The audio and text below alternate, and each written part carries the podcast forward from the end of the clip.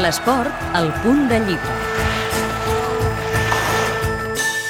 El periodista del nou esportiu Marc Raimundo és l'autor del llibre Coro és la vida, història d'un heroi de l'Espanyol. És la biografia de l'ex-blanc i blau i ara jugador del Girona, Ferran Corominas.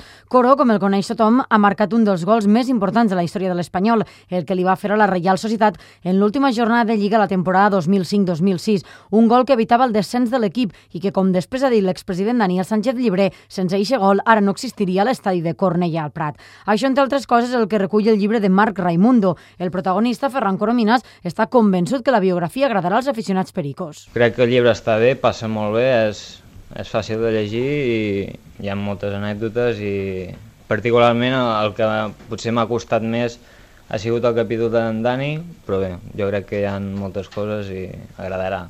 Però en el llibre també hi ha capítols complicats, com la seva eixida del club blanc i blau o la derrota en la final de la UEFA. I la final de la UEFA també queda un mal gust de no, no poder haver-la jugat i sobretot de no haver-la guanyat perquè jo crec que hauria sigut algo històric i això sí, la sortida també va ser d'orilla, un mes aquí entrenant sol només amb un preparador físic i, i poca gent se'n recordava de mi no? en aquells moments, bastant dur, però bueno, s'ha d'acceptar i, i hem passat pàgina ja.